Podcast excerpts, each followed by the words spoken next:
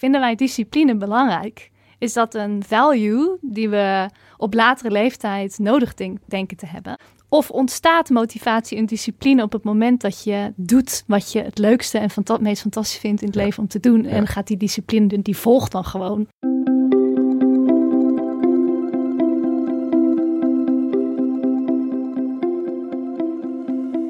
Dit is Het Groene Hart, de podcast van Growthinkers, waarin we op zoek gaan naar het groene hart van onze gasten. Voordat we beginnen met het interview met Juliette, wil ik je voorstellen aan onze sponsor van dit seizoen, Klimaatstichting Hier. Een stichting die helemaal past bij het groene hart, omdat ze je helpen met slimme keuzes maken die ook goed zijn voor het klimaat. Zo kun je bijvoorbeeld met het platform Slimme Buur een overzicht zien van alle mensen in jouw buurt die isolatie of zonnepanelen hebben. Ga naar growthinkers.nl slash slimmebuur en vind een slimme buur in jouw omgeving.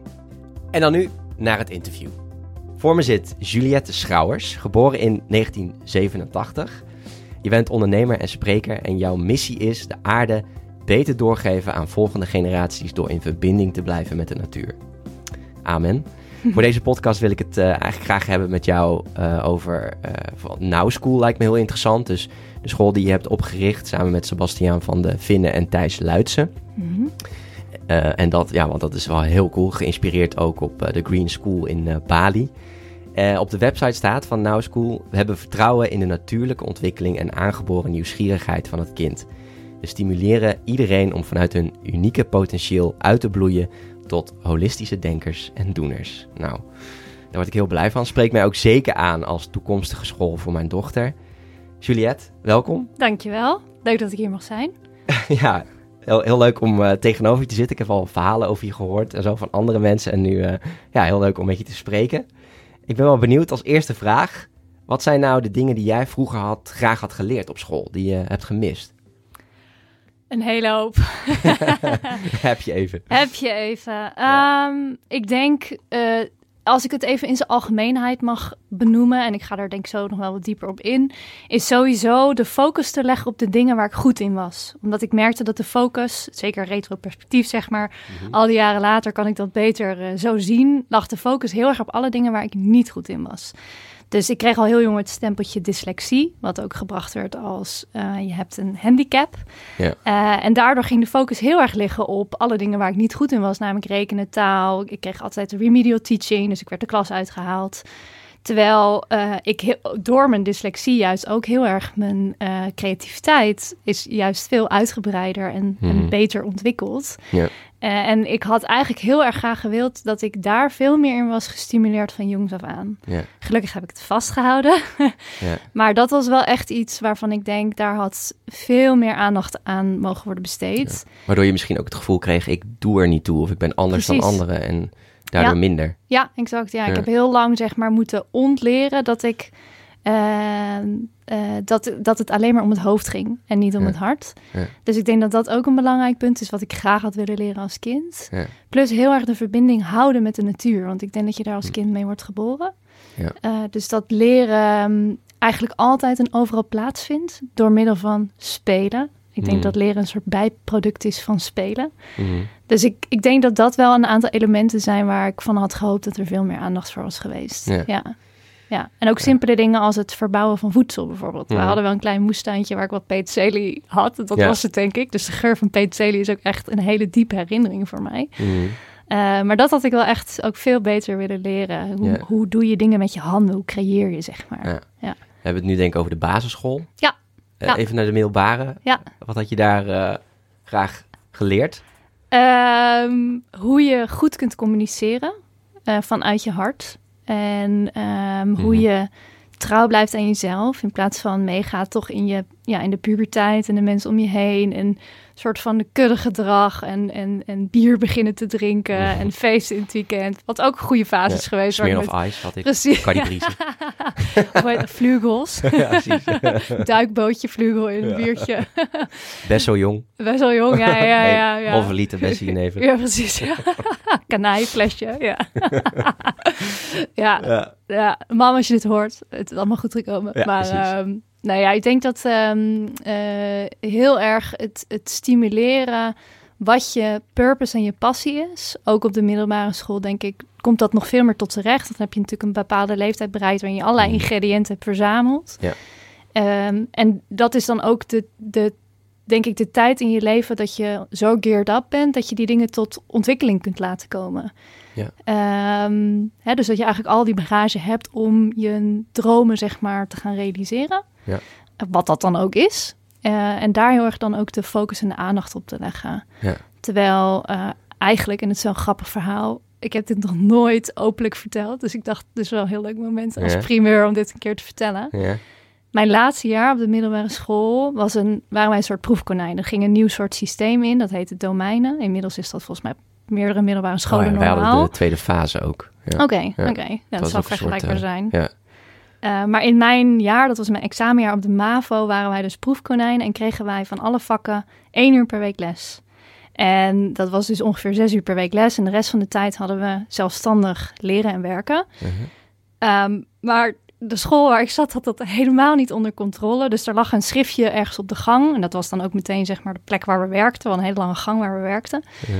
En dat was het time-out boekje. Dus dan kon je opschrijven. Ik ga heel eventjes eh, weg eh, Mhm. naar de bibliotheek. En ik schreef dus elke dag gewoon in dat boekje. Van, yo, ik heb een time-out. Ik ben even naar de biep. En dan ging ik gewoon lekker buiten sigaretjes roken. met mijn vrienden. En dan zat ik de hele dag. Dus na een jaar bleek dat ik geen enkel werkboek had ingevuld. Ik had niks gedaan. Daar kwamen mijn ouders achter omdat ik een, een paar dagen ziek thuis zat. En mijn moeder ging mijn boeken op school halen. Hack the system. Hack the system. Ja. En toen hebben ze me op een soort huiswerkinstituut gedaan. Anderhalve maand voor mijn examen. En eh, toen heb ik eh, echt het geramd, zeg maar, om het te onthouden en te reproduceren tijdens mijn examen. Maar ik had het geluk dat ik, eh, want ik, dat was nogal wat, hè, binnen anderhalve maand je examen proberen erin te rammen. Eh, ik had het voordeel dat ik op mijn laptop mijn examen mocht maken, omdat ik dyslexie had. Dat was de kaart die ik kon trekken van ik schrijf langzamer, dus typen gaat sneller. Mhm. En er was één stukje van biologie wat ik niet kon onthouden. En dat had ik in een documentje ge- gezet wat gedichtje heette. En dat had ik stiekem ergens op mijn laptop verstopt, want mijn laptop werd elke keer van tevoren gecontroleerd. Mhm. En toen heb ik dat geopend, dat documentje, en daar ben ik mijn examen in gaan schrijven. Maar stom genoeg heb ik dat stukje tekst niet verwijderd. Dus dat is meegeprint met mijn biologie-examen. En toen werd ik op het matje geroepen en op de een of andere manier heb ik me naar uit kunnen kletsen. En heb ik mijn examen gehaald. Oh, wat zou je blij zijn geweest toen. Heel blij, Ja. echt heel blij. Dan was ik ja. ook zo opgelucht dat ik daar weg kon. Ja, precies, precies dat. Ja. ook omdat je waarschijnlijk eindelijk dan kon gaan doen wat je wilde doen. Ja, gewoon een nieuw hoofdstuk. Gewoon weg hier en gewoon gehaald, weet je. Eh, afgetikt. Ja. Dat gevoel. Ja, van, ja, dat onbeschrijfelijk gevoel. En ik weet ook nog, eh, ik had een afdelingsleider die niet zo heel eh, lief voor me was. Mhm. En ehm nou, had ik altijd ruzie mee. En Oh, nee. ook een beetje het eh, enfant terrible, zeg maar. Hmm. Ik weet nog heel goed dat hij op het eindexamen was, een soort, cab of een soort cabaret was dat. En hij zong een tango over de bloemen in zijn tuin. Oké. En nou, er kwamen allemaal bloemen, dus mensen die het allemaal goed deden, kwamen voorbij. En eh, ik vond het echt oprecht heel goed opgevoerd. En aan het einde was daar het onkruid in de tuin Oh, van zijn hart. En wie was dat? Oh nee! De jongen die nu voor je zit. Oh nee, wat erg! Voor een heel publiek. Maar het mooie was, ik was zo blij dat ik het gehaald had. Het maakte me echt geen reet uit. Nee, precies. Ik was heel erg geïnteresseerd ook in theater. Ik vond dat heel cool. Dus ik vond het eigenlijk respect. Ik dacht, dat heb jij dit fantastisch opgevoerd. En mijn moeder wilde nog opstaan. Want die wilde natuurlijk, oh, dit kan niet, dit kun je niet maken. En ik zei, mam, blijf maar zitten.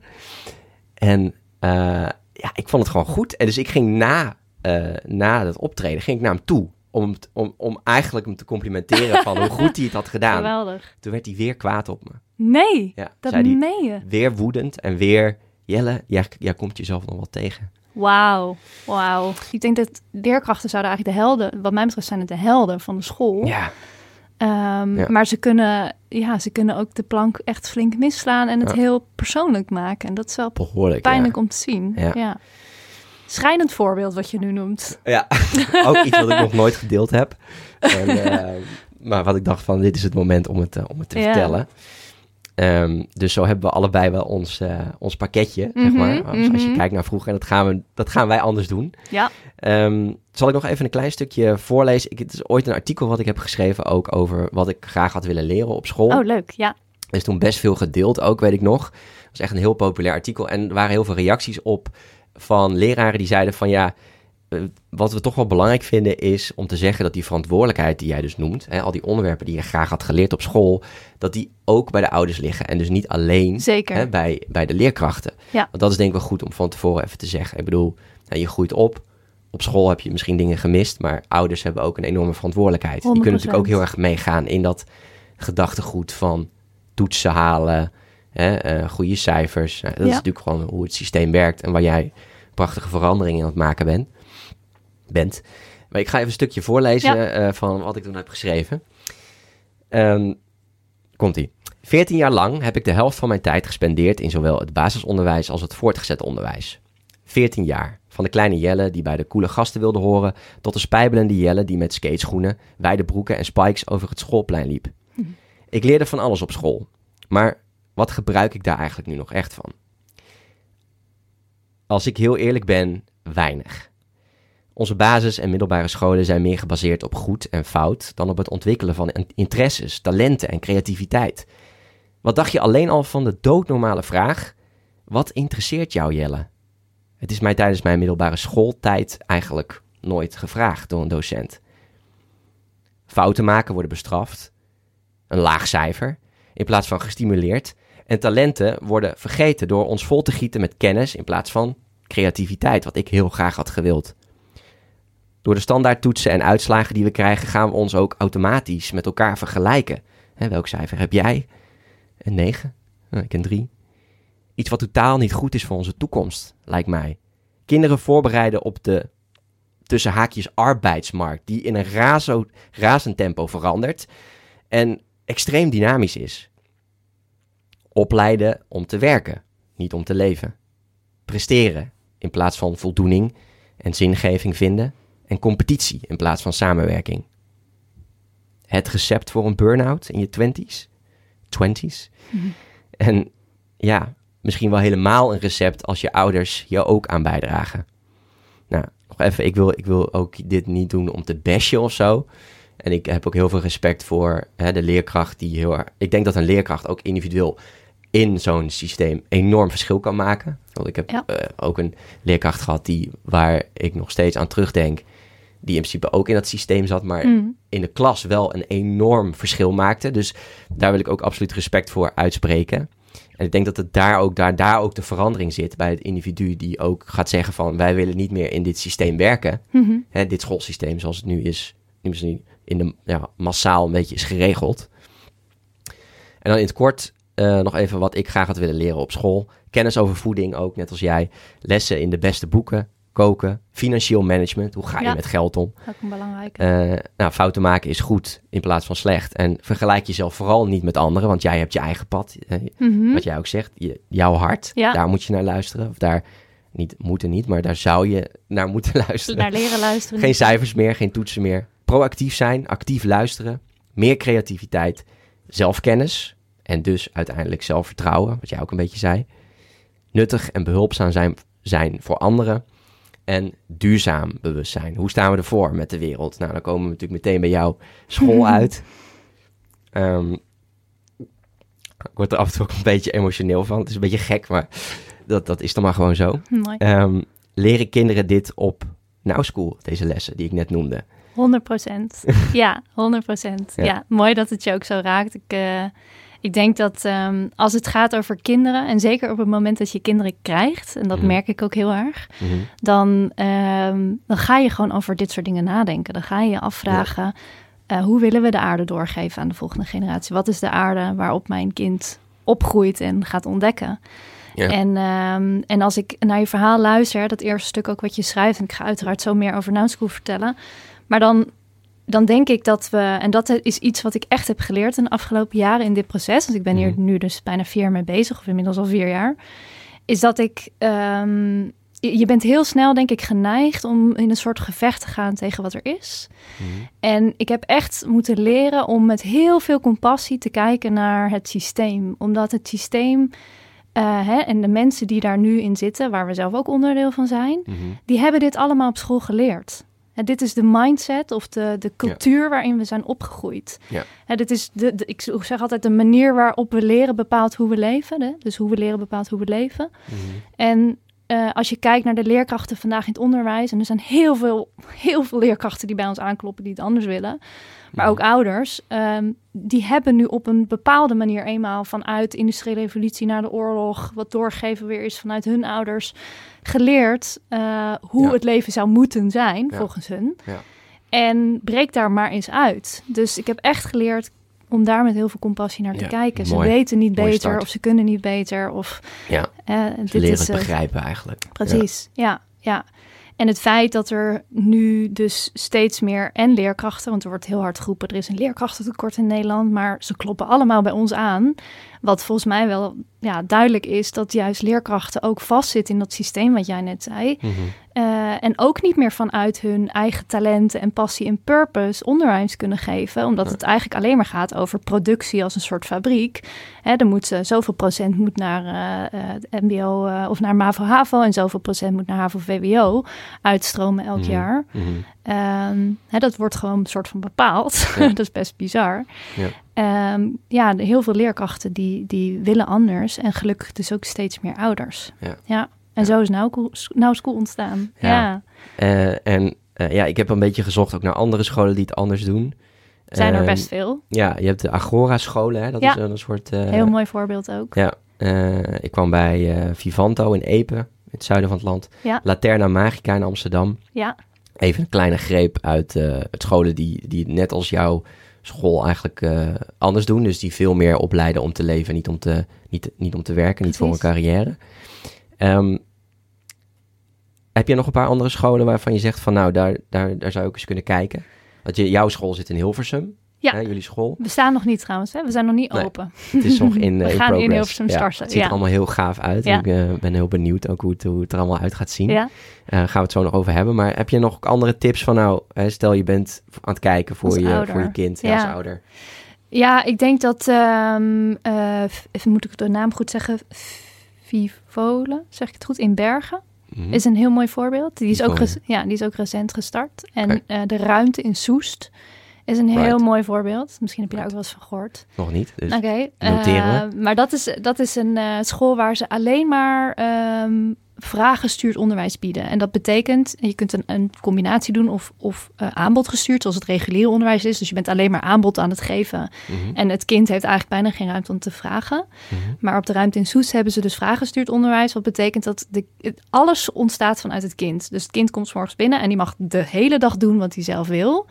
Maar geeft op een gegeven moment aan: hé, hey, eh, ik wil wat meer leren over landen. Kun je me vertellen welke landen er op de wereld zijn? Dan ga je dat samen met je leerkracht of je teamleider, of ik weet niet hoe ze dat noemen, Mhm. ga je dat ontdekken. Dus ik ben die school ook gaan bezoeken. En vind het ook heel bijzonder om te zien dat dat echt op zeg maar, het spectrum.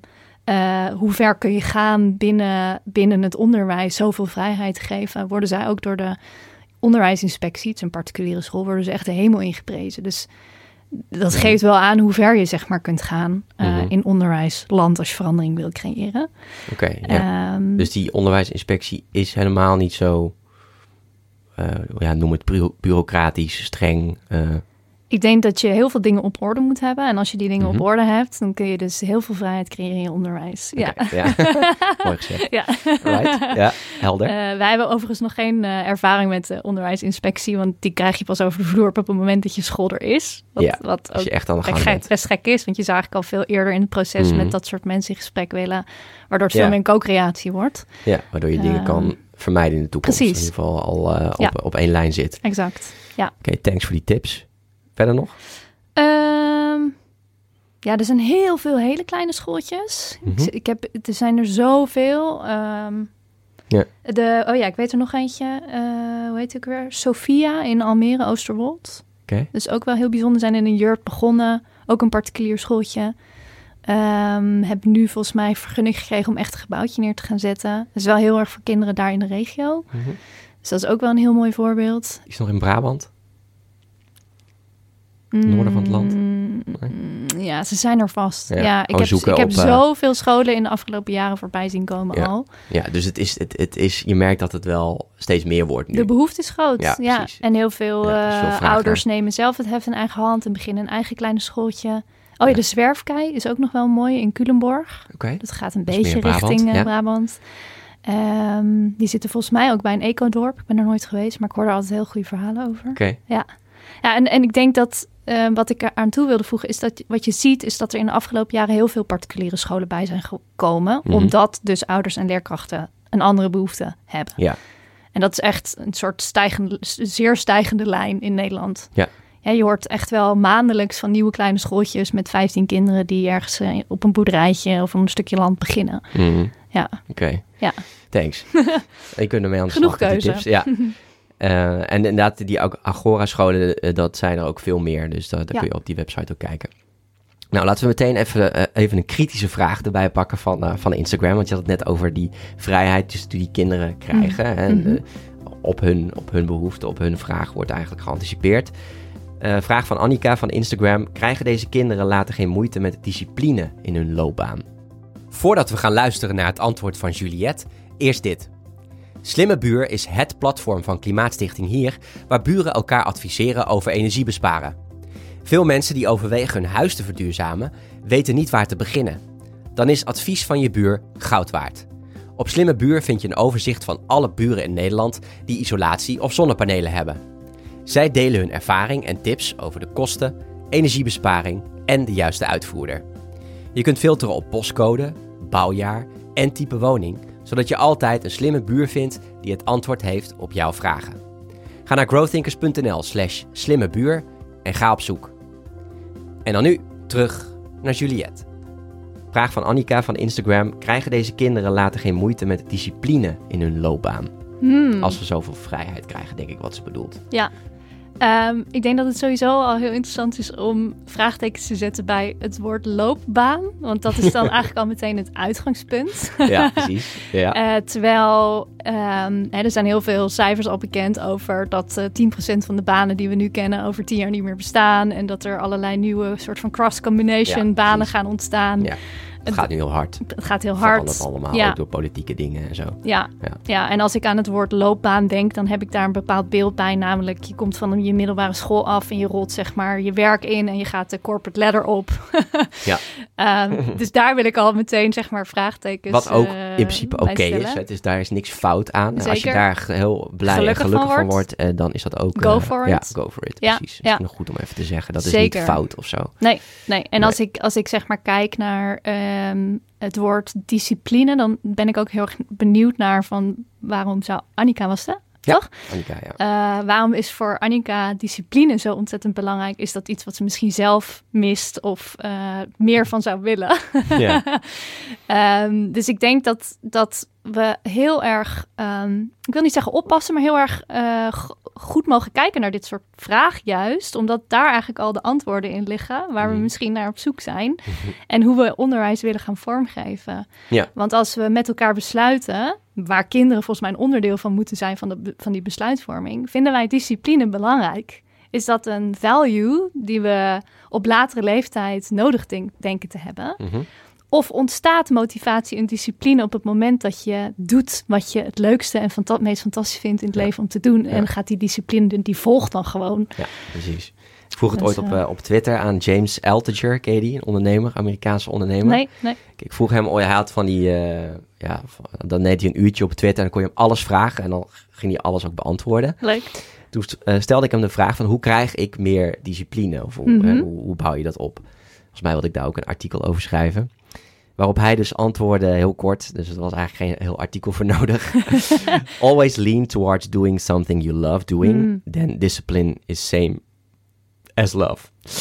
Dus ook Mooi. weer, ehm, ja, doe gewoon eh, iets eh, wat je, ja, waar je van houdt. Ja. Dan wordt discipline wordt dan liefde. Ja, heel mooi. Ja. Ja. En dit doet me ook denken aan een eh, leerkracht die ik twee jaar geleden sprak. Die wilde me eigenlijk uitnodigen bij hun in de board om mee te denken over eh, hun onderwijs. Om dat opnieuw vanuit een visie vorm te geven. En de reden was, eh, eigenlijk was haar vraag aan mij, hoe zorg ik er weer voor dat mijn studenten gemotiveerd raken? Mhm. Eh, want ze zijn niet gemotiveerd, zo zei ze het letterlijk. Ja. En toen zei ik, ja, studenten zijn wel gemotiveerd, alleen ze krijgen niet de ruimte om te doen wat ze het liefst willen doen. En daardoor Mhm. verdwijnt hun motivatie.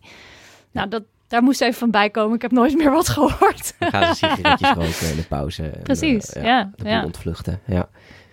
Ik bedoel, je herkent het wel. Als jij eh, iets op het pad bent waar je enthousiast van bent, dan sta je het liefst om zes uur te springen naast je bed en eh, geen gebrek aan discipline, zeg maar. Dan Nee, begin nee. je gewoon. Precies. Ja, en soms ook je. niet. Maar dat is dan ook oké. Dus Ja. werk is ook... eh, Dat, dat is ook niet... Daar heb je ook niet altijd zin in. Dat is ook Nee. niet altijd leuk. Soms heb je gewoon zin om even...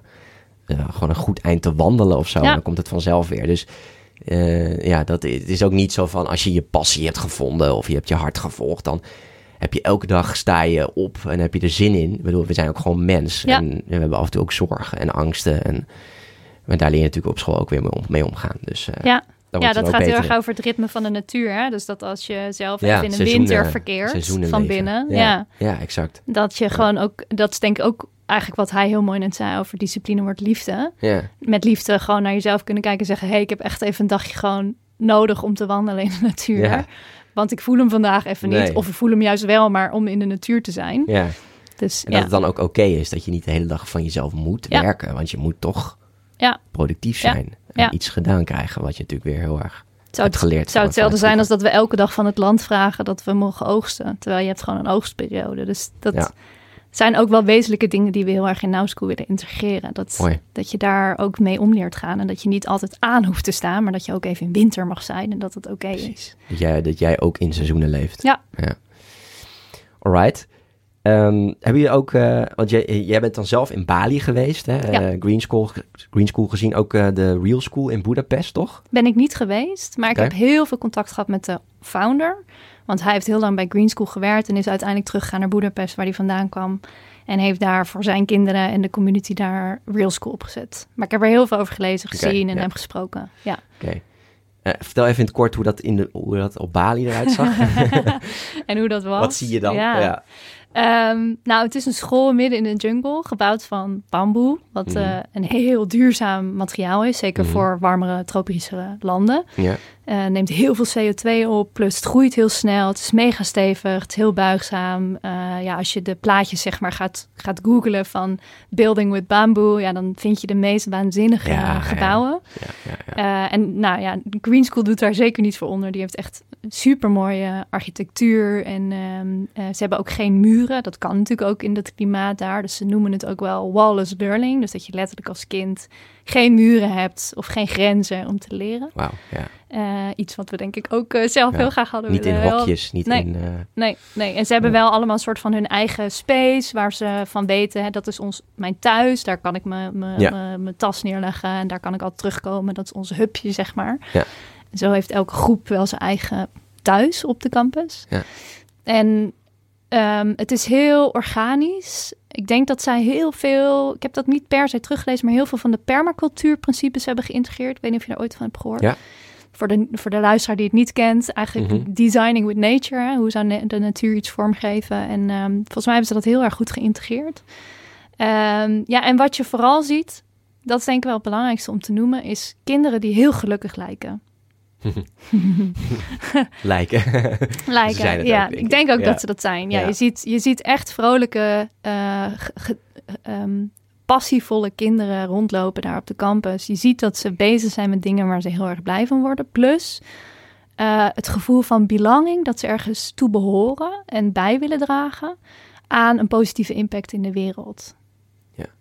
En het mooiste voorbeeld, wat ik een leuke anekdote. We hadden aansluitend na de rondleidingen op eh, de Koelkoefarm. Dat ligt ernaast. Dat is eigenlijk ja, waar ze voedsel oogsten voor de lunches. Want ze eten ook met z'n allen daar op de campus. En daar sprak ik een vader en die zei... ja, als mijn kinderen zich niet gedragen in het weekend... dan zeg ik dat ze op maandag niet naar school mogen. Works every time, Ja. zei hij.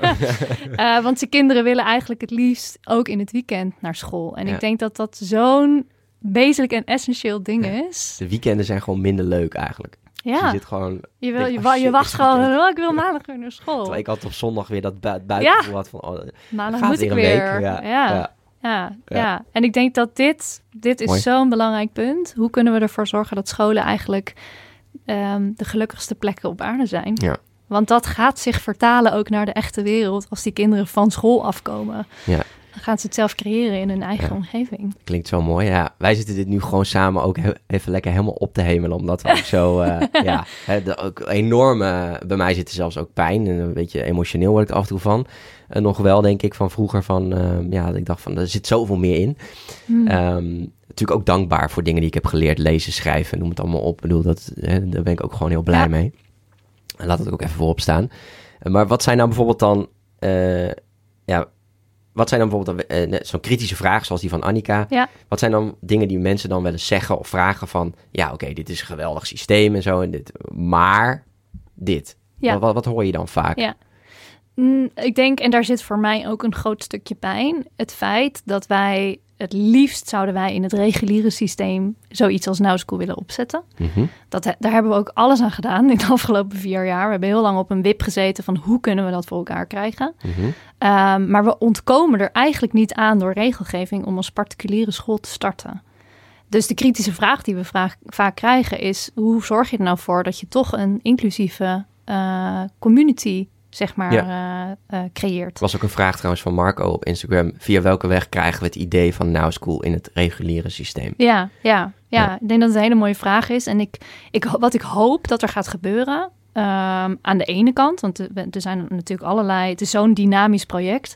Aan de ene kant hoop ik heel erg dat als wij straks in gesprek zijn met gemeente Hilversum om echt daar te gaan landen, dat we eigenlijk in eh, een parallel spoor kunnen starten waarin we met de gemeente Hilversum ervoor gaan zorgen dat het een particuliere school wordt.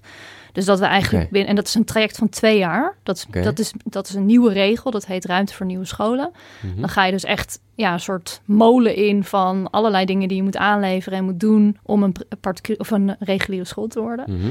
Ehm, en ik hoop heel erg dat we dat proces meteen in kunnen gaan. En aan de andere kant ehm, hebben we zelf, willen we ook zeg maar het hef in eigen handen nemen. Dus we willen niet afhankelijk zijn van of dat wel of niet slaagt. Dus als de school open is, dan starten we als particuliere school, omdat we niet anders kunnen. Mhm. We willen het niet, maar we moeten wel. En dan willen we in eh, de jaren die volgen, eh, willen we er uiteraard voor zorgen dat de basis goed staat, dat we een hechte community met elkaar bouwen, eh, dat we weten wat we aan elkaar hebben, dat we ieders talenten tot z'n recht kunnen laten komen, maar daarnaast dus ook eh, andere businessmodellen rondom de school gaan vormen, die ervoor zorgen dat de schoolfee die we vragen per maand, dat we die langzaam naar beneden kunnen brengen. Oké. En we hopen eigenlijk, en dat denken we ook dat dat ons zal lukken als we ook op die plek de ruimte daarvoor krijgen, dat we dankzij die businessmodellen de scholen uiteindelijk misschien wel zelfs Now Schools gratis kunnen maken. En dan, Ik hou niet van concurreren, maar dan concurreer je dus eigenlijk met het reguliere systeem. Ja. Dan ben je eigenlijk heel disruptive bezig, op een goede ja. manier. Ja. Ja, ja. En daar hebben we allerlei ideeën voor hoe we dat willen doen. Dus ik denk dat we heel erg die twee sporen gaan onderzoeken. En dan denken we dat een van de twee uiteindelijk sowieso wel gaat slagen. Ja. Ja. En is dat dan, dat- die businessmodellen, is dat, die zijn aan de school verbonden? Hoe moet ik me dat dan voorstellen? Nou, denk bijvoorbeeld aan een coworkspace voor ouders. Hè, we willen heel Oh ja. graag de ouders betrekken bij de plek. Dat het echt een community wordt. We noemen, noemen Mhm. het ook co-learning space. Hè, dus dat we echt eh, ouders ook... We hadden het er net al even kort over... dat we ouders ook heel erg betrekken bij het on- unlearning... maar ook bij het leren. Mhm. Eh, waardoor we de kinderen echt de vrijheid en het vertrouwen kunnen geven om te leren op die plek.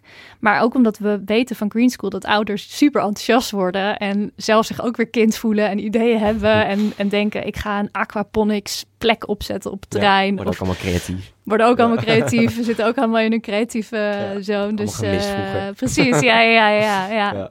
Dus ik, dat is een van de ideeën. Eh, en we hebben twintig van dit soort ideeën. En een andere belangrijke die ik denk wel nog even ben- wil benoemen, ook omdat die zo essentieel is voor hoe we nou een school willen inrichten. Mhm. Ehm, ik denk dat de belangrijkste taak die we als mensheid nu hebben, is ervoor zorgen dat de bodemkwaliteit weer gaat verbeteren. Dat gaat op alle vlakken van duurzaamheid gaat dat een hele grote wezenlijke positieve impact hebben. Mhm. Dus ehm, opgroeien en leren op een plek waar de bodem, waar we in verbinding staan met de bodem, is heel belangrijk. Dus waar komt ons voedsel vandaan? Hoe zorgen we ervoor dat we de juiste microbiomen zeg maar, tot ons nemen, waardoor ons innerlijke microbioom weer gezond raakt, waardoor we, dat, waardoor we weer mentaal ook gezonder worden. Allerlei Mhm. positieve facetten zitten eraan. Ja. Dus het voedsel verbouwen dichtbij of in, in de school, bij de school, eh, is ook heel belangrijk voor ons concept. Ehm, maar tegelijkertijd zou dat ook een verdienmodel mogen zijn. Hè? Ik bedoel, iedereen koopt elke dag eten. Als we dat doen op een plek waarvan we weten de bodem is gezond. Plus als ik hier mijn voedsel koop, draag ik weer bij aan een gezonde bodem. Ja. Eh, dus dat is ook wel echt een, een Ja. concept waarmee we spelen. Dus mensen eh, nemen, ouders nemen een abonnement. Op, Bijvoorbeeld, eh, ja. op de tuin en kunnen daar gewoon groenten halen, kruiden, noem het allemaal. Exact, ja. ja. Mooi. Oh, klinkt echt heel gaaf, eh, Juliette. Ja, hè? ik doe dit ook stiekem een beetje voor mezelf hoor. Ja, snap ik. En, die, en waarom Hilversum? Ehm, ik heb heel lang met het team gezocht naar een plek in Utrecht. Ik ben echt op mijn racefietsje door heel Utrecht gegaan. Overal over hekken heen geklommen. Eh, gekeken bij braakliggende terreinen. Of, eh, en ik merkte dat, ehm, dat het heel moeilijk was met de gemeente. Maar ook überhaupt qua ja, vierkante meters. Even om een voorbeeld te noemen. We hebben een tijdje heb ik gekeken naar een manege die te koop zou komen.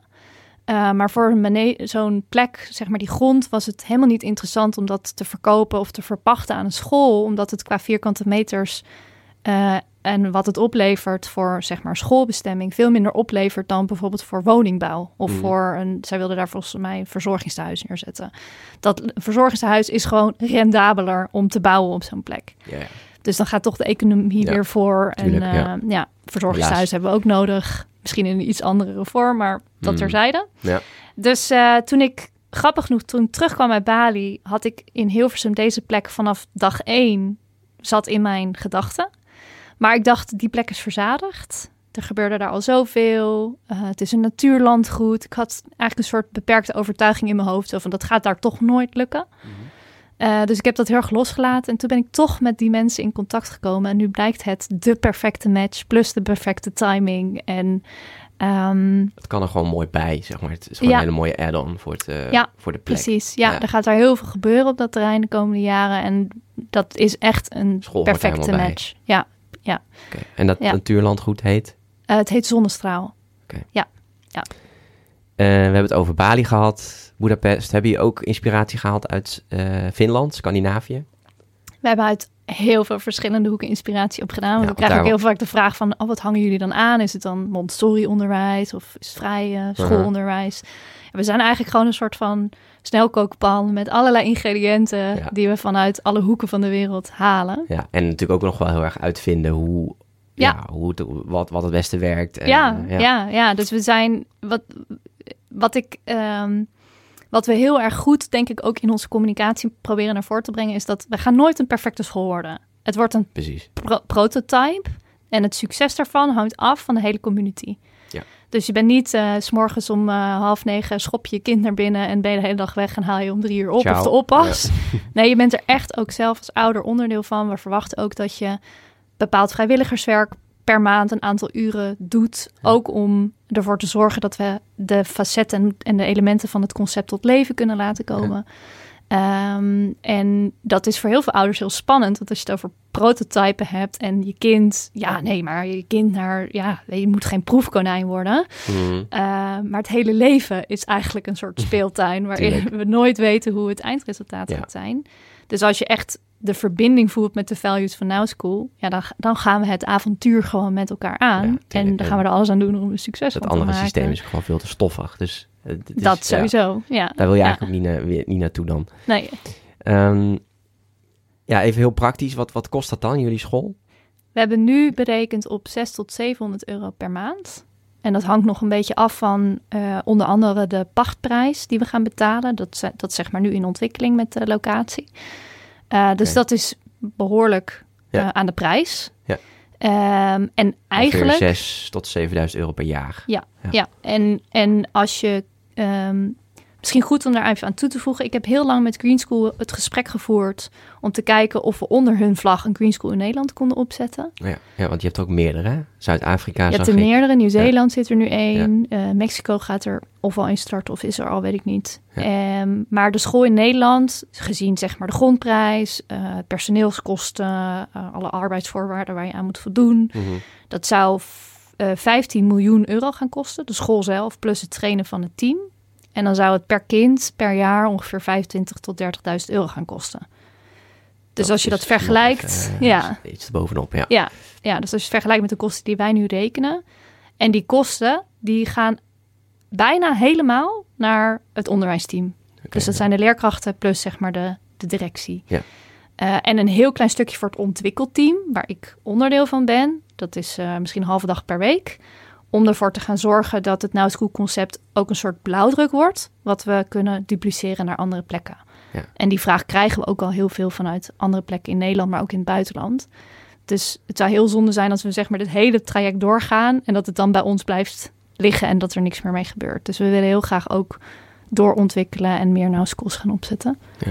Een soort franchise eigenlijk. Dat je het gewoon Ja. straks ook kan, eh, kan Ja. gaan... eh, Maar ook heel veel open source delen. ja. Dus dat we ja, niet direct om er een verdienmodel van te willen maken. Nee. Wat misschien heel goed is, want dat stroomt dan weer terug en dan kunnen er meer nauwschools komen. Ja.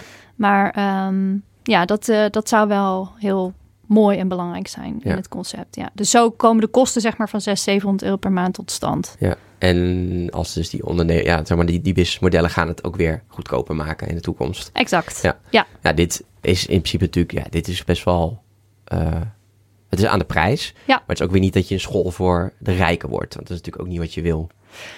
Dat willen we sowieso niet. Nee, Nee, we zouden het liefst... Dus je eh, echt die 25.000 per jaar moet Precies, ja. En nu denk ik wel dat we door deze prijs alsnog in een soort exclusiever segment Mhm. terechtkomen. Ja. Eh, en dat is dus wat het heel pijnlijk maakt, want het liefst willen we dat helemaal niet. Nee. Dus we kijken nu al hoe kunnen we ervoor zorgen dat we eh, een, een groter publiek kennis kunnen laten maken met Now School. Dus we hebben één keer per maand. Het staat nu heel even stil, maar we gaan binnenkort weer alweer starten.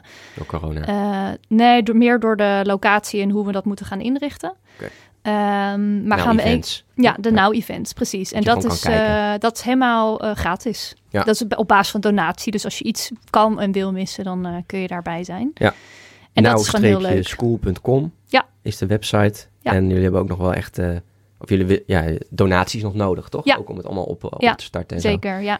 Nou, dit, dit was een stukje over de school. Dan gaan we even echt naar jou, Juliette, de laatste 20 minuten. Ehm, vraag van Jetske Ja. Eh, op Instagram. Duurzaamheid, hoe doe je dat? Hashtag hoe dan? Ehm, nou, ik denk eigenlijk hetzelfde als wat ik net zei over de school. Het is nooit perfect. Nee. En, en die imperfectie omarmen, eh, dat maakt het proces juist zo leuk. Omdat je dan jezelf ook heel erg die ruimte geeft in trial and error. En te kijken wat werkt en wat werkt niet. Mhm. Ehm, en ik denk dat wat vaak misschien ehm, nog gebeurt in ons leven, wat ook logisch is, want zo zijn we nou eenmaal ontwikkeld als cultuur en als maatschappij, is dat duurzaam iets, duurzaamheid iets is wat we erbij proberen te doen. Mhm. En wat mij betreft zou dat echt interconnected mogen zijn. Dus zo probeer ik het zelf heel, als het gaat over hoe dan. Ik probeer Mhm. het heel erg vanuit een soort interconnectie te zien. Dus ik probeer altijd te kijken als ik een keuze maak, hoe verhoudt zich dat dan tot het ecosysteem? Mhm. En eh, waar kan ik de meeste impact in maken? Dus om een voorbeeld te noemen, ik, heb een, ik rij een dieselbus. Als iets niet duurzaam is, dat het wel. Mhm. dat is ook onze camper, maar ook gewoon mijn, mijn dagelijkse auto, zeg maar. Daar, wo- daar woon je ook in? Nee, af Nee, en toe. ja. Af en toe. Af en Ja. toe werk en woon ik daarin. Ja. ja. Ehm, maar eh, als ik zeg maar de keuze moet maken, ehm, eh, ga ik nu op eh, met het openbaar vervoer, wat toch nog vaak langer duurt en eh, vrij kostbaar is. Mhm. ik, wat mij betreft zouden we dat wat aan mogen doen. Ja. Ehm, ga ik dan nu met heel veel moeite, met, want ik woon vrij afgelegen, met een busje en dan op de fiets en hoe, Mhm. hoe ga ik, en dan doe ik er zeg maar twee uur over. Of rijd ik nu met de auto naar Amsterdam hier om bij deze podcast te zijn, zodat ik een uur win om dat uur weer te besteden aan dingen die ik belangrijker en zinvoller vind, waarmee ik weer een positieve impact kan maken. Ja. Dus ik ben de hele tijd dat soort afwegingen aan het maken in mijn Mhm. leven. En ik ben bij lange na niet perfect. Nee. Eh, maar ik denk wel dat alles probeer ik vanuit mijn kern te doen, omdat duurzaamheid iets is waarvan ik voel dat ehm, het altijd op lange termijn doorgezet kan worden. Goeie. Ehm, als, je, als je zeg maar duurzamer gaat leven, hè, dus je gaat wat, eh, je gaat lezen over duurzaamheid, eh, je ontdekt van oké, dit heeft veel impact. Eh, hier kan ik een negatieve impact dan, als ik een beetje Mm. Babette porseleinstijl spreek. Ja. Eh, hier kan ik dingen veranderen. Ehm, wat, wat, wat vond jij dan het leukste om, om te veranderen? Dat je dacht van nou, daar haalde ik echt, eh, daar zat voor mij echt die passie. Twee dingen Mhm. waar ik meteen aan moet denken. Ehm, want in mijn werk deed ik het al. Doe ik, deed ik het al veel langer. Dus dat, dat voelde gewoon als natuurlijk, zeg maar. Mhm. Ehm, voedsel vond ik heel leuk Ja, om Naar plantaardig. Naar plantaardig. Wat Mhm. ik al heel lang wilde, maar eigenlijk helemaal niet per se vanuit huis uit gestimuleerd werd. Of wat, dat is helemaal oké, dus daar ben ik helemaal zo lang mee. Maar om dat zelf helemaal te gaan ontdekken, om al, ik denk dat ik al nou, tien jaar geleden mijn eerste moestuintje bijvoorbeeld heb aangelegd toen ik met mijn vriend ging samenwonen. Zeg maar de rijkdom die ik kreeg van de natuur, de, de het formaat courgette waar je u tegen zegt. Dat vond ik echt Ja. geweldig. Ja. En het andere was, eh, mijn vriend en ik hebben een paar jaar geleden ehm, een groot huis gekocht. Wat aan onze maximale hypotheek, eh, eh, zeg maar, net kon. Uh-huh. En na drie weken dacht ik, wat doe ik hier? Daar had ik zeg maar echt, was ik even vergeten mezelf mee te nemen in het verhaal. Maar had ik echt het maatschappelijke plaatje gecreëerd. Gewoon zo groot mogelijk. Zo groot Zoveel mogelijk, vrijstaand Ja. huis, groot, hele grote tuin omheen, allemaal onderhoud. En ehm, om dat na drie weken alweer los te durven laten en dat uit te durven spreken, wat me bijna mijn relatie heeft gekocht, eh, gekost, maar gelukkig eh, juist het tegenovergestelde nu heeft gecreëerd. Het was net geen dealbreaker. Ja, precies. Eh, hij dacht, ja, hallo, we zitten hier net. waar kom jij nou mee? Ja. Net verhuisd. eh, Ja, ja, allemaal weken verbouwingen. En snel, ja. ja, ja, ja, ik denk, ja, maar misschien... je kunt dan maar beter ook meteen... Ja, het was zo duidelijk. Tuurlijk, ja, ik dacht, als ik, nu, ik, als ik nu hier langer blijf zitten, dan lieg ik echt tegen mezelf. En voel, maar voelde het, eh, toen je het huis kocht en zo, toen voelde het allemaal wel oké. en toen je er zat, was het in één keer... Het was heel dubbel, want we hadden namelijk, voordat we dat huis kochten, bijna een chalet gekocht op een eh, vakantiepark wat een woonbestemming zou krijgen. Oké. En eh, dat ging toen niet door. En toen hebben we dus uiteindelijk dit huis gekocht, wat echt, nou ja, meer opposite kan het bijna niet zijn. Nee. En ehm, toen we erin gingen, voelde ik me echt wel de vlinders in mijn buik en de roze bril. En oh, leuk, 's morgens gezellig bij het kacheltje met het vuurtje aan en zo. En eh, Mm. heb ik dat echt wel even een paar weken gevoeld. Eh, maar ik was heel veel toen op dat moment aan het lezen over bijvoorbeeld hypotheekvrij. Dat boek ken je denk ik ook wel. En Ja. plakbadpensioen. Gerard en, eh, toch? Ja, precies. Hypotheekvrij, ja. Ja. dat kwam me allemaal een beetje zo eh, op mijn pad. Ja.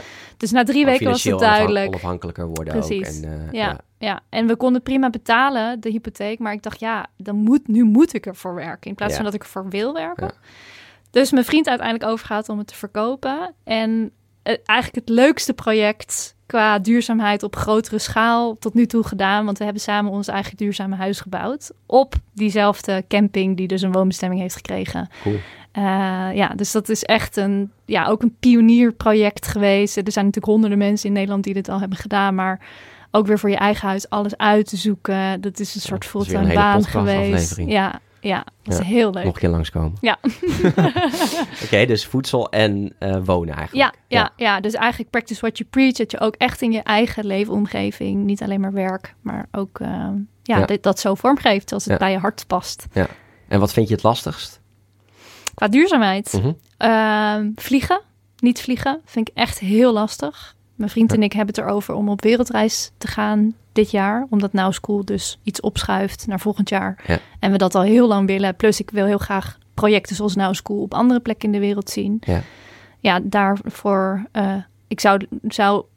In het proces wil ik nog op zoek gaan naar andere vormen van hoe we dan ons kunnen verplaatsen. Of we Mm. met de boot kunnen of eh, zeilend of zoiets. Ja. Uh, maar dat vind ik wel heel lastig. Want dat reizen me ook zo ontzettend veel verrijkt als Ja. mens. Ja. Ja. En oh, vroeger, toen als kind, had je toen al, eh was Oh, je ja. toen al mee bezig? Ja. Ja? Ja. Ehm, nou, sowieso de, dus de ruimte die ik wel had, de tijd die ik wel had om lekker te spelen en te zijn, was ik altijd buiten. En ik ben wel het kind wat al heel jong zich afvroeg van waarom eten we bijvoorbeeld vlees? Of waarom eh, spoelen we drinkwater door de wc?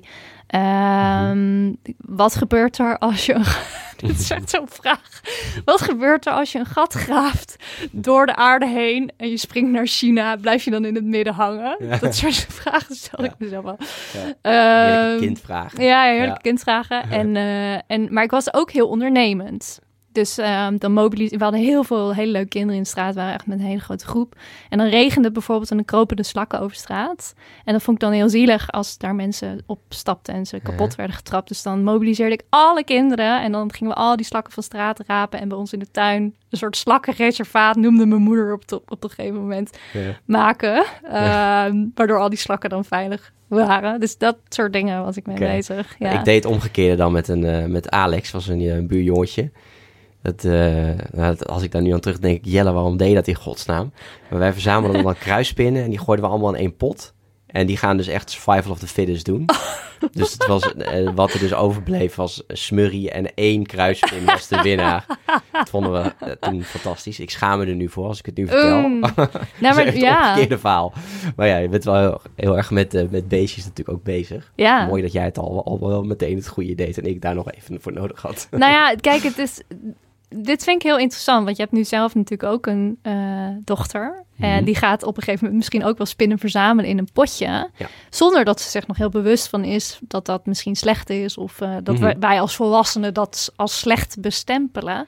Terwijl eigenlijk is ze de wereld dan aan het ontdekken. Jij was ook de wereld aan het Ja. ontdekken. Ik Ja. heb ook dingen gedaan als kind die helemaal niet zo duurzaam waarschijnlijk Nee, ik heb waren. iemand erbij nodig die even uitlegt hoe dit nou zit. Ja, precies. Ja. Ja, Of bevraagd. Hè, waarom, waarom doe je dit? Of wat, Ja. wat hoop je te leren? Of wat gebeurt er? Of wat zie je? Ja. Eh, dat is ook stap 1 in de permacultuur observeren. Dus eigenlijk meer naar het kind kijken zonder een interventie te plegen of iets te doen. Uh-huh. Ehm, want ik denk dat wij ook heel erg veel kunnen leren van hoe kinderen dingen aanpakken, omdat we dat spelen helemaal zijn ontleerd. Ehm, ik noemde Ja. het net al, leren is een bijproduct van, van spelen. Ja. Dus Ook dat achter vogels aanrennen, dat is dan dus eigenlijk zielig. Maar dat is ook puur... Of ja, dat wordt dan gezegd als zielig. Ja, en ja, die beest ja. aan het opjagen. ja, Maar het is ook puur ontdekken van... Hoe werkt zoiets? Oké, ik ga dan rennen en dan gaat zo'n vogel Precies. wegvliegen. Je leert er heel veel Ja, van. Ja. ja, Dus ja. Ik, heb, ik heb wel eens in situaties gezeten waarin een ouder daar zich heel bewust van was. En precies wat jij nu noemt, achter een vogel aanging. En dat er iemand anders aan tafel was die ehm, dat tegen wilde houden, omdat dat dan zielig zou zijn voor die vogel. Maar die moeder corrigeerde dus die andere volwassene. Nee, laat dat kind maar even achter die vogel aangaan. Laten we even kijken wat er gebeurt. ja. Ging, we ging goed. daar even, het, het nog even over hebben straks. Ja, ja, Van wat ja, gebeurt- ja, ja, precies, ja, ja, als je per ongeluk de vogel doodt, ja, wat doet dat dan met je? Ja. Is dat dan fijn? Of hoe voel je je daarbij? Of, ja. Ja, ja, ook iets wat ik dus eigenlijk ook wel uit, uit boeken... Ik ben nu veel, best wel veel boeken aan het lezen, ook over opvoeding en, en Mm. ouderschap. En ook wel heb, heb, eh, heb gelezen van, ja, zorg dat je heel veel uitlegt. En Ja. heel veel eh, over dingen hebt, over acties. Supergoed. moet je natuurlijk ook weer de tijd voor hebben als ouder. Snap je Ja. ook wel. Bent natuurlijk ook gewoon aan het werk en dat soort dingen. Maar dat zijn wel heel, hele belangrijke dingen. En dat wat, wat jullie natuurlijk ook op die school gaan doen. Ja, ja, want we zijn Ja. zo geneigd om te zeggen nee zonder uitleg. En dan blijft een kind, denk ik, in- tenminste kan me Ja. voorstellen dat je een soort Ja. van, Even kort, want ik heb Wat- geen tijd. Nee, ja, dat wil waarom ik nee? niet. Ja. Nee, omdat ik dat zo wil. precies. Ja, precies, ja, Dat vond ik even snel eh, van de hand gedaan. Ja. Ik heb nog wel een Daar mooie zit een kans om het uit te leggen. Oké, trouwens. Voor jou, maar ook voor de luisteraars. Ik ben hem nu aan het lezen, dus ik zit nog helemaal in de beginfase. Maar ik had er al heel veel over gehoord. Free to learn. En daar wordt ook heel erg verteld over hoe in inheemse eh, volken kinderen eigenlijk helemaal vrij worden gelaten om zelf te leren. Dus ze blijven eerst natuurlijk dicht bij de moeder. En dan komt de fase dat ze juist wat verder van de hutten weggaan en de, de jungle inlopen bijvoorbeeld. Ehm, en hoe we zeg maar door de geschiedenis heen dat spelen kinderen hebben afgenomen om allerlei verschillende redenen. Heel mooi boek om te lezen. Free to learn. Ja, ja. In het Engels. Ik denk dat hij er ook met het Nederlands is. Ja. Heb je ook Jagen, Verzamelen, Opvoeden gelezen? Ik heb er heel veel over gehoord. Het staat ook in mijn e-reader. Ja. Ja. Volgende boek. Je hebt ook dan eh, zo'n hoofdstuk Acomedido. Mhm. Acomedido. Dat is volgens mij uit de Mexicaanse... Haalt wat uit de Mexicaanse cultuur. Ik ben er niet op vast. Ehm, eh, en dat is, gaat dus heel erg... Dat, dat je vanaf, vanaf jongs af aan eigenlijk al heel erg leert... om behulpzaam in huis te zijn. Mooi. En dat je dat ook heel erg stimuleert. Dus dat je ook heel, heel snel met kinderen gaat... ehm, dingen gaat doen in de keuken en zo. Ja. Die natuurlijk gevaarlijk zijn. Hè? Ja. Dus het eerste wat je denkt... Oh nee, met messen en zo. Ja. Maar dat je juist ook ze laat snijden en er heel erg bij blijft natuurlijk wel. Heel erg eh, goed oplet. Maar ze heel erg ja, laat meehelpen. Ja. Waardoor Dat is dat niet zo erg- leerzaam als je zelf een keer in de vingers zou snijden, toch? Zo is het. Doe je het de volgende keer niet meer. Nee, exact. niet, niet te versnijden. Nee. Te diep, maar eh, ja, dus dat vond ik ook wel een hele mooie. En daar geeft ze ook voorbeelden van kinderen die gewoon, die staan op en die gaan meteen eh, de vaatwasser inruimen. Ah, want ze willen gewoon behulpzaam zijn. En Ja. dat wordt heel erg gestimuleerd ook. Het wordt ook wel gezegd van, ja, eh, oh, ik vond je echt accomedido vandaag. Ik vond je echt, eh, oh, dankjewel. Daar wordt echt over gepraat, weet je wel? Want daar ligt de focus ook op.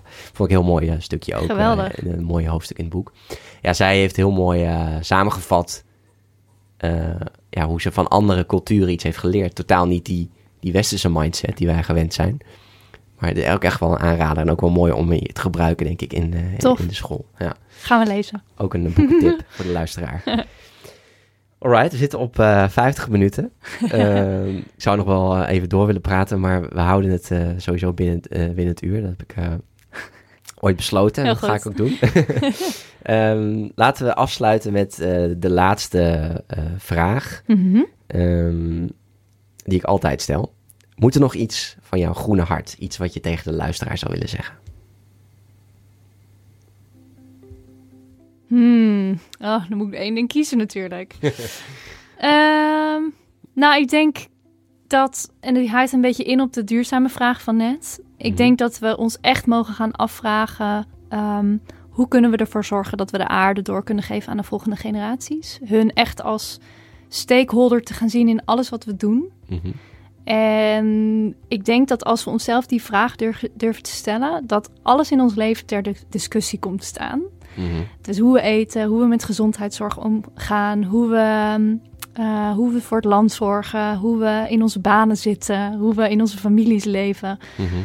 En, um, en ik denk dat dat heel erg gaat over regeneratie. Dus echt het herstellen van de relatie met jezelf, de ander en de aarde. Ze zeggen ook wel eens: by changing your inner world, you change your outer world. Vind ik altijd een hele mooie zin. Ja. En weer heel erg die verbinding gaan maken tussen die twee dingen. En zeker als we ja, een soort um, paradigma shift willen maken met elkaar als maatschappij, dan denk ik dat we eerst heel erg naar binnen moeten kijken. Omdat heel veel van alles wat we vormgegeven hebben ook voortkomt uit trauma's en ja, oude trauma's die wij weer door hebben gekregen van onze voorouders en ouders. Mm -hmm. um, dus heel erg ja, die vraag durven te stellen: hoe kunnen we de. En ook, ja, hoe kunnen we de aarde doorgeven aan de volgende generaties? Ja, goede voorouder zijn. Ja, precies. Ja. ja. En, ik, en daarvoor ga je denk ik kinderen als een soort wisdom keepers zien. dus je hoeft niet eerst 80 te zijn en uit een tribe te komen om wisdom keeper of earth keeper genoemd te worden. Maar die kinderen hebben zoveel wijsheid. -hmm. Daarnaar durven te kijken en dat durven te zien. En het vertrouwen ook weer te geven aan kinderen.